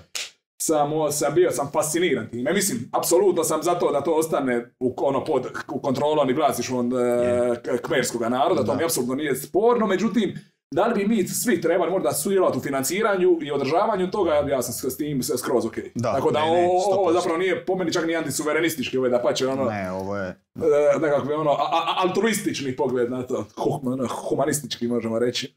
Ali- Dobro, i da. daj... Ne da vidimo jako, još. jako, da jako vidimo neke, neke tak slikice iz tih... Evo ima ih tu još malo. Evo, samo, samo listaj e, ove... Odi redom, odi redom. Da, samo odi redom. Slovenski Jamie. To je, to je taj isti... E, na tom polju, sad, mi za, o, ovaj je očito malo manje očuvan. Ono. Baš se da, Da. najmanje su pari. ima sigurno pristupačnijih puteva da se dođe do ovakvih građevina ili A, s helikoptera. E, konkretno ovako, e, znači ona, ona e, cesta u džungli na videu nas nije dovela baš do, kon- do direktno o- ovih hramova koji izbire na tom, tom Ankor zoni, nego su, smo, ali, ali ono, nije bio, ali pred onih hramova ko, do kojih smo išli kroz tu cestu kroz džungle, to je jedini način, mislim, ili kako smo spomenuli helikopter. Stani na ovaj a dok je do ovog Angkor Vata koji je, to, jer to je dosta ono poznato mjesto, pa postoji ona asfaltirana cesta i sve, a ono, ako plaćam već toliko dolara da uđem, onda, Da, pa hoću da mi bude asfalt, samo ako ništa.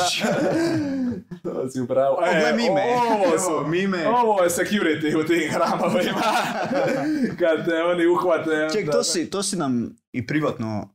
Spomi- pričal, da, da, Da, to sam te ono. Da, znači, kradu, kradu Ne, ti ove majmuni. beštije, ove beštije su ekstremno inteligentne. To je, to je šema. Znači, či, ti mali džavli, i znači turistima, ono, e, neće moći on njih tek tako baš napast da ih ozlijede. Ne, ali će ti doći, ukraće ti naočare, ukraće ti mobitel, zlatni lančić, ono nešto što oni znaju da vridi. To je skužili su da su Da, ljudi da, da. spremni, da su spremni se boriti za to. I onda će ti ga na neki način prodat u zamjenu za hranu. Ne, da mu ti nabaviš sad bananu, čokoladnicu, šta ja znam. Ko je ono, njihov pip Wow. od svih majmuna? A dobro ima, ja, bi- ka- jednom su nas bili okružili ovi đavli u jednom momentu, u, tu, u jednom hramu, ne znam, mislim da je bio PPP, ono indikativnog imena, ako se ne varam, Pnom Banan. banan. Ali, okružili su i onda smo uz ostalo vidjeli baš jednog ono, grdosiju koji hoda među njima, ono, tuf, No ima onaj jedan film koji ima naočale, cvike ima sve ono, ne, nije bio, ne, nije bio bučen, nije bio bučen nikako, ali, ono, ali smo bili na 100, na 50 metara smo, se, smo ga zaobilazili u krugu. da. Ono, mislim, ne samo mi, i, i ovi majmuni. Da, pa to me zanimalo, znaš smo pričali ovoga, a i čuo sam priče da dok ljudi otiđu tak istraživati te šume, dolaze do tih hramova, zaborave u stvari uopće gdje se i nalaze. Jer ovoga, oni su u džungli, ne? I to me Da, da, zanimalo to kod moramo tigrova, jer kak se pričalo, znači vi ste hodali, ne? I samo odjeput iza vas kreću majmuni, ne? Pa dobro, iza nas, oko na, okolo nas, No. samo se počnu stvarati sve i više i više, ono, jer, jer mi smo kon- konkretno u, u, datoj, na, na, u, na, u datom hramu smo bili u dosta kasnim satima, ono, Evo, kasno popodnevnim satima. U kasno popodnevnim satima smo bili i oni kada sam shvatio počnu izlaziti ono u drugom dijelu dana, ono kada, jer zapravo one, ne- neće oni sad toliko se miješati među ljudima dok je krcato, dok je gužva ljudi. Da, naravno. Razumijete? Među, međutim, ono, kad ostane manje ljudi, onda ono ide laganini u lovo. E, a ovdje smo Znaju, bili na ovoj, već. na ovoj litici smo bili de facto okruženi majmunima, ono, nekako smo se jedva probili kroz njihove redove, ono, jer onda di, di su malo bili šupljivi.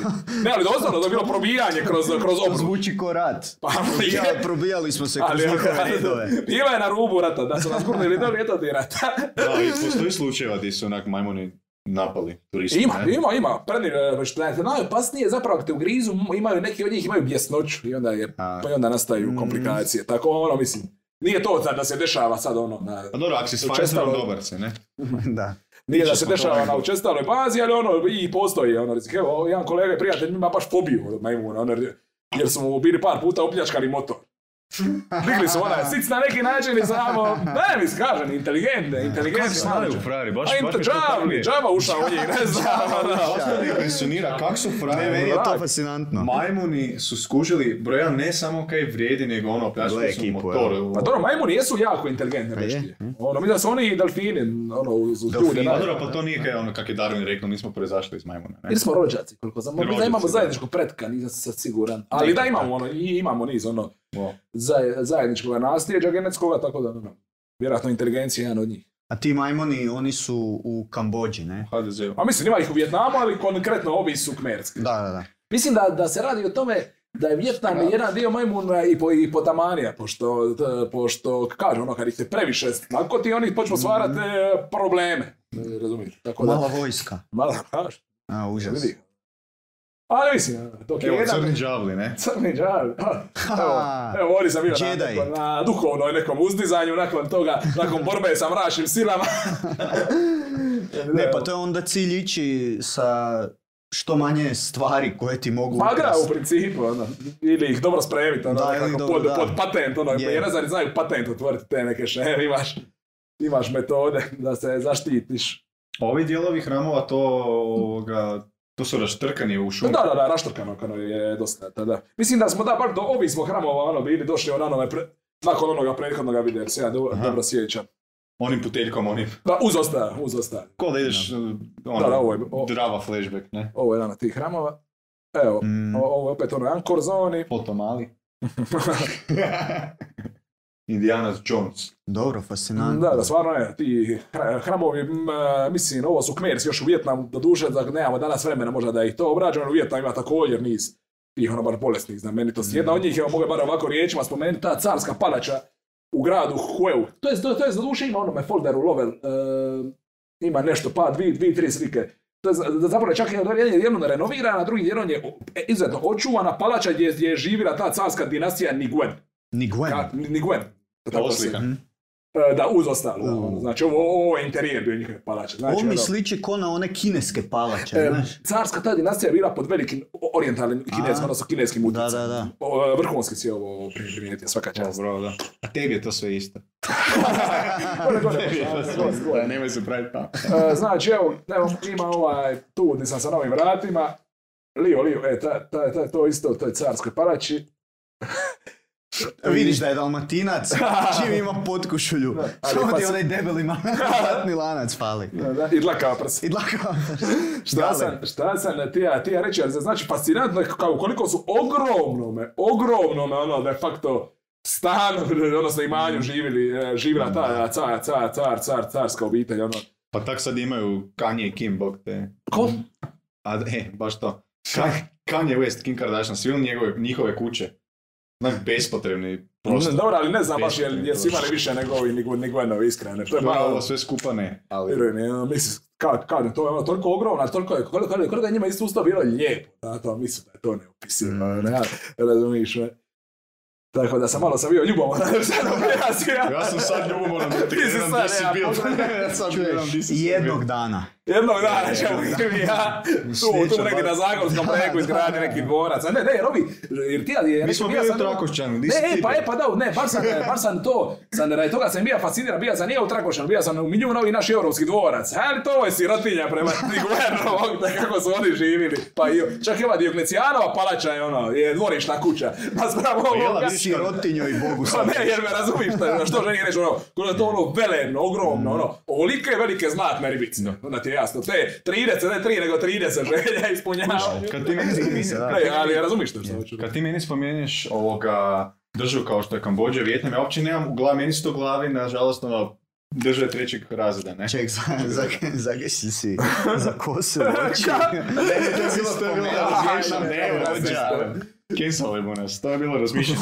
Kuže, uopće ne razmišljam da imaju toliko bogatstvo kaj se tiče građevina, ne? Uopće mi to nije palo. Ima je, pa ima jako bogato. jako iznenađujuće. Dopusti mi samo evo malo da odemo u malu povijesnu digresiju, pa Khmer Empire, Khmersko carstvo od prije tisuću i nešto godina je bilo jedno od moćnijih ekonomskih, ono, prostorno čak su bilo jedno od moćnijih na svijetu, komparativno sa svim ovim državama. Oni su, mi da su imali prvi, možda sad laže, ne znam, precizno, imali su jedan od, od prvih ili prvi milijunski grad na, na, na, na, na planetu Zemlji, razumiješ?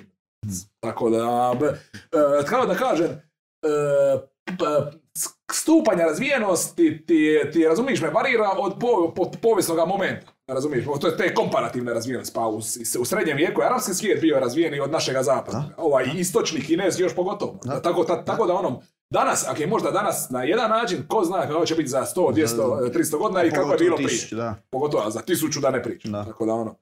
Tako da mislim, ono, to onak je neka zemlja u- jednom momentu siromašna, to ne znaš da ima izuzetno bogatu povijest i, i tradiciju i kulturu. I, i, i, ili obrnuto, može imati sada puno novaca, nultu po, Je. ne postaje. Je.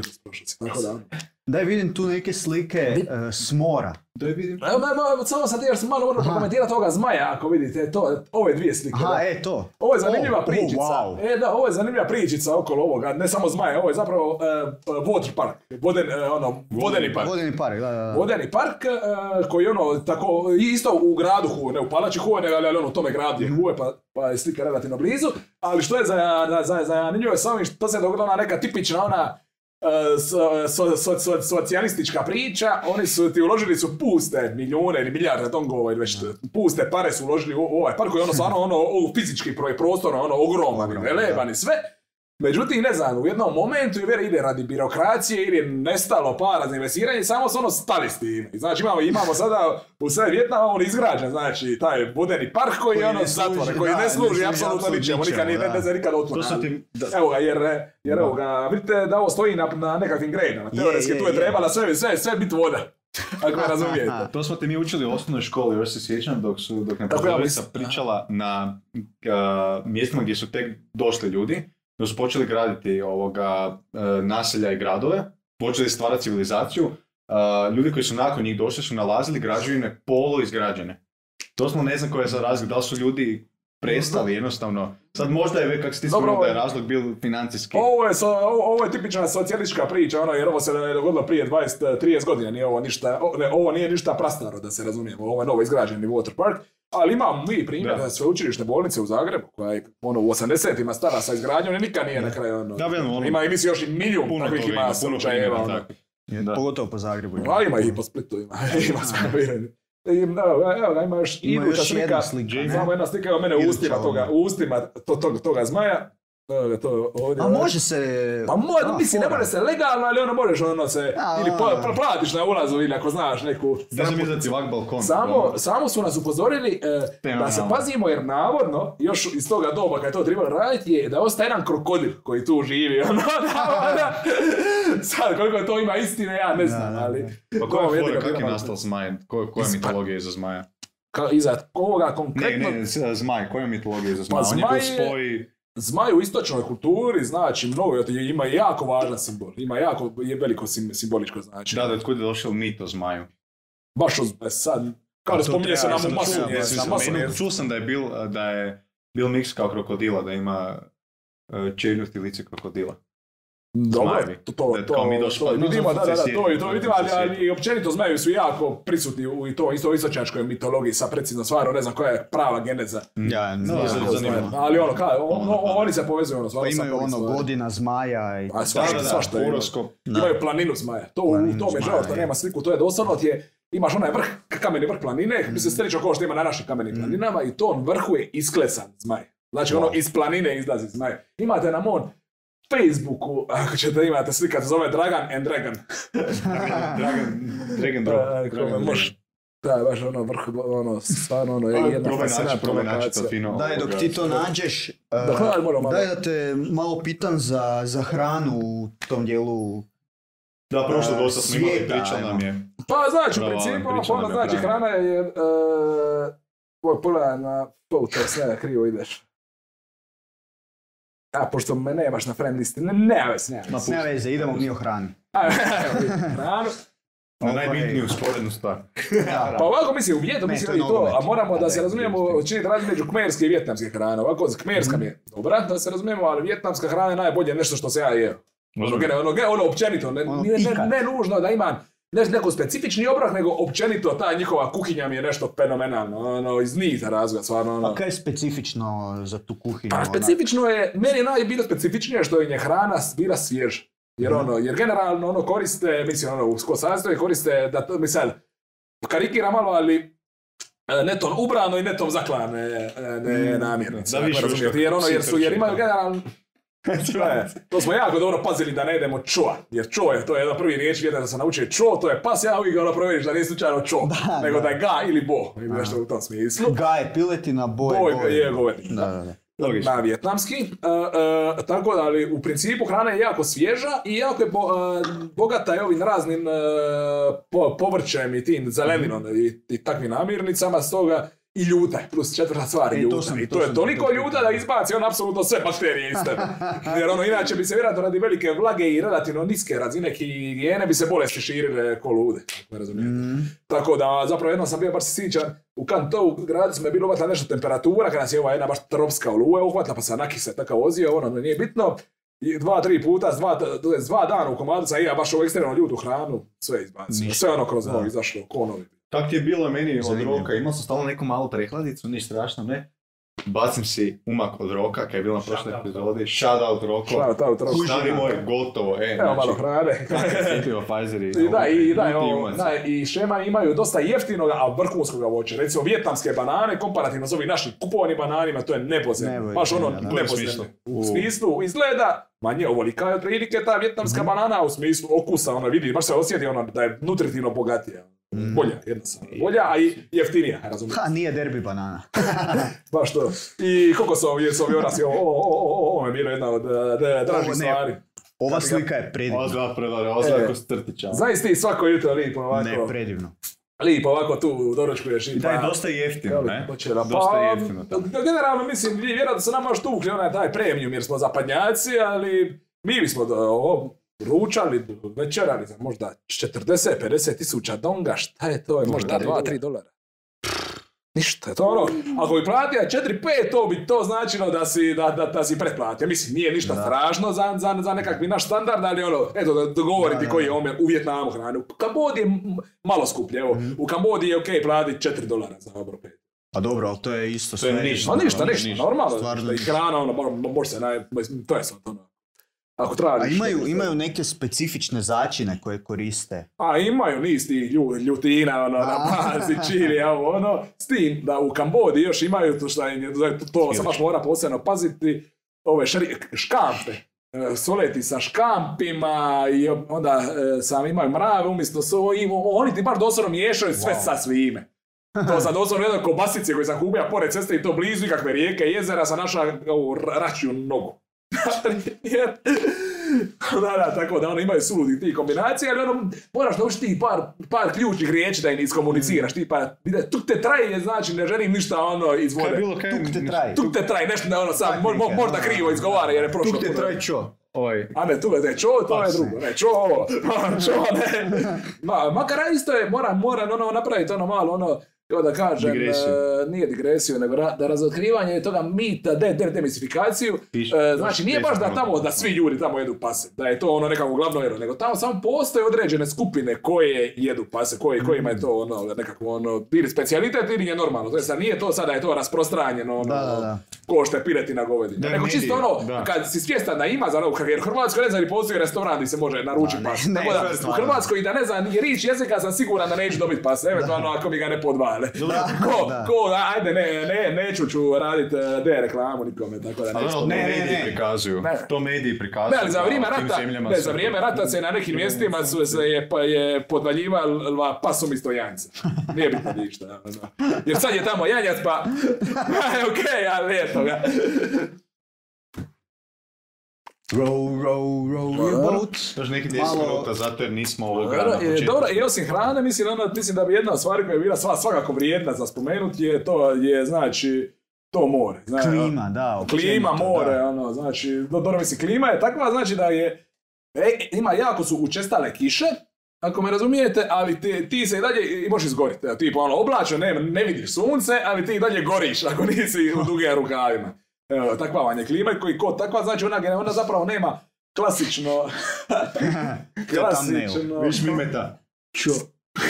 klasična četiri doba, ljeto, jesen, zimu, proljeće, kao što imamo mi, nego oni imaju e, rain season i low season. Znači, zapravo dio sezone kada pada Kišna, češće, da. kada više pada kiše i Kad kada manje. manje. To zapravo kroz nas kuže ovisi o smjeru puhanja monsuna, koji ono jedin, jedan dio godine pušu sa kopna na more, e, sa drugog, i drugog dijelu sa mora na kopnu. Mm. E, I znači, koji, to, to su već spomenuli da u takvim okolnostima onda imaju mogućnost znači, četiri, četiri žetve godišnje, Da. za razliku od naše jedne, što ih ono stvara ono, u hiper, ono, komparativno sa nama u, u hiperprodukciju hrane. Što, zato, to je isto logično kad imaju toliko puno kiše. Da, da, pa logično, da, kaže, ne čudi me. Samo ističe da. je drugačije nego, Da, da, da. nego kod nas.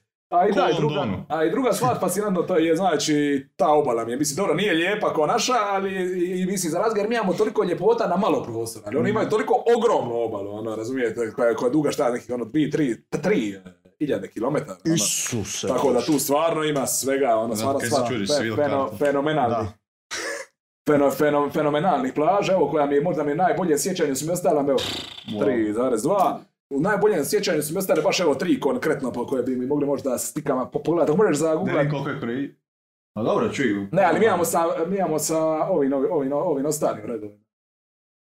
Znači, Jamie, Da, recimo, imamo- recimo koja plaža, recimo koja Uh, plaža. How Long Bay, How long bay? to je znači jedan zaljev, jedan zaljev znači sa, uh, sa uh, oko tisuću otočića. Slike. Može sliku sam. Viki. How long, ja. Evo znači, to je ono Wow. cijeli jedan zaljev je krcat ovim limestone, to su ovi Wow. va- vapneni, vapnena kamenja. Zla koji To je sam to, ne? da ne. Da, to, o, o, ovo je Wow. Bay, to je ono, Milina Ne, se vozi to na nekakvim e, brodom ili cruiser, ono, ono, i- i- između, između toga. Znaš, na- to me podsjeća na, malo na Pirate s Kariba. Hmm.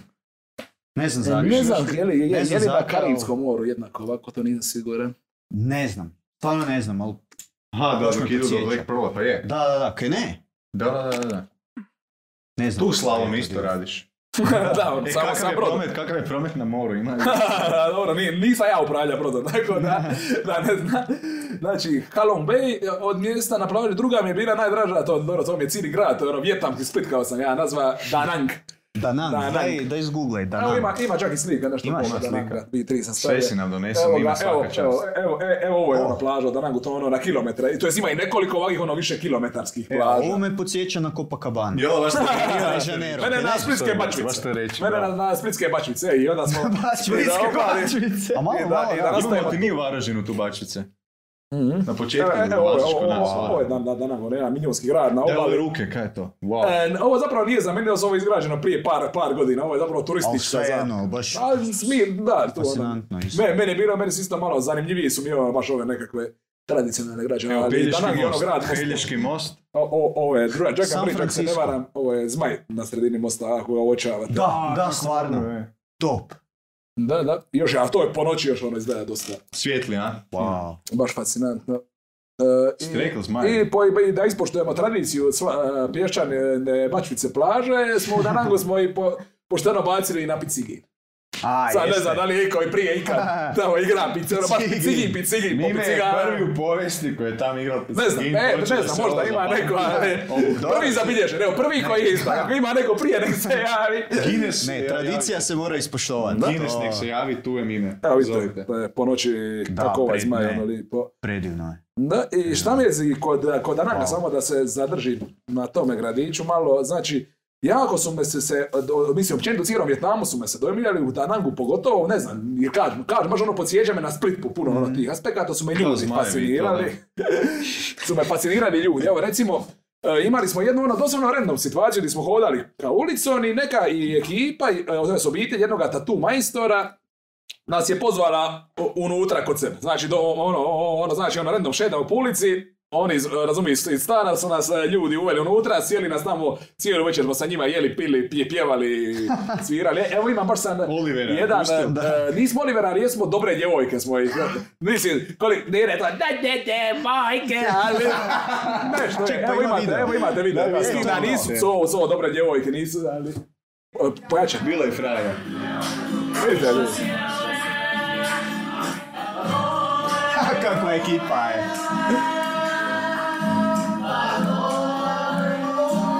Evo Mime da šaču, bre. Ja, to ga ne sećam. Čo?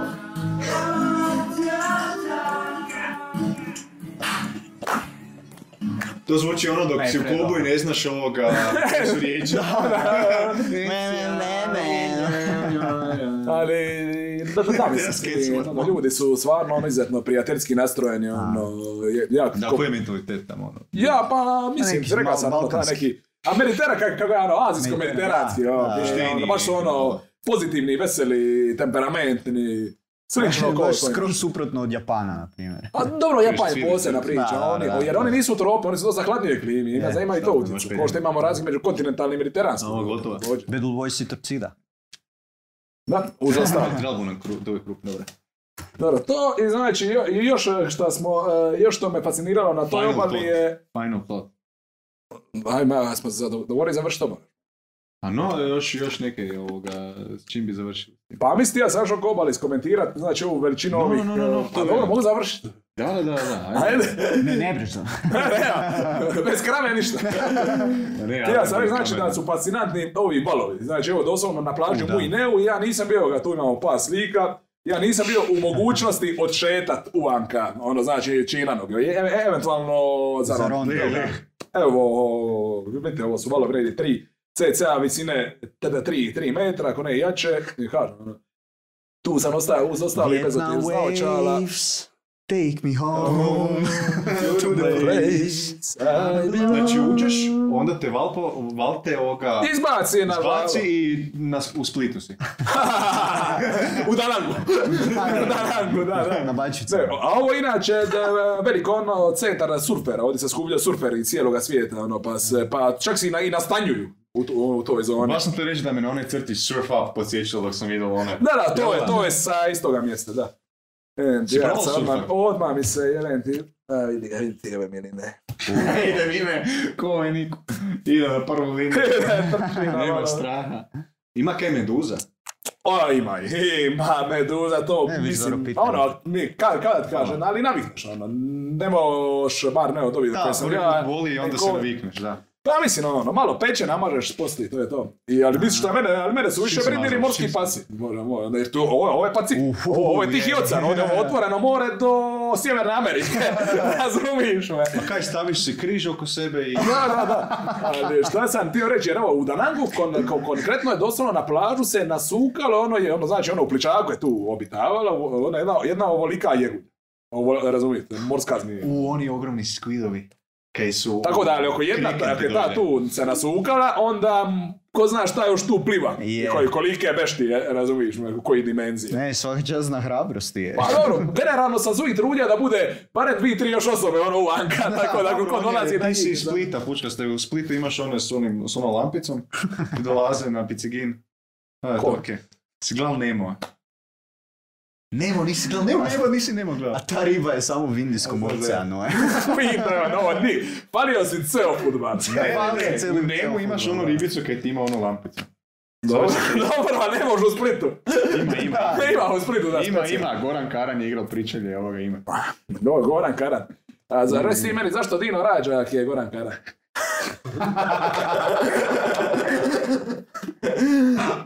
2021. stoljeće. Dobro. No, dobro. Medicina je napredovala. No dobro, Bam. mislim da bismo, mislim da bismo mogli ovo sad lagarini, da smo krenuli na račun Karana, mogli ovo lagarini zaokružiti. Može, može. Daj neke završne misli o tim putovanjima. Znači, Pa- vratili bi se 100%. Ja pa svakako ću, ću, ću se vratiti, Ma. 100%, mislim ne, ne u smislu da pre, preseliti, ali ono, o, ovaj taj dio zemlje ostaje stvarno jedan ono, ogroman dojam, e, dojam Da. na mene, ono, svakako bi ga volio minimalno još jednom, ako ne i više puta posjetiti i također još neke okolne zemlje.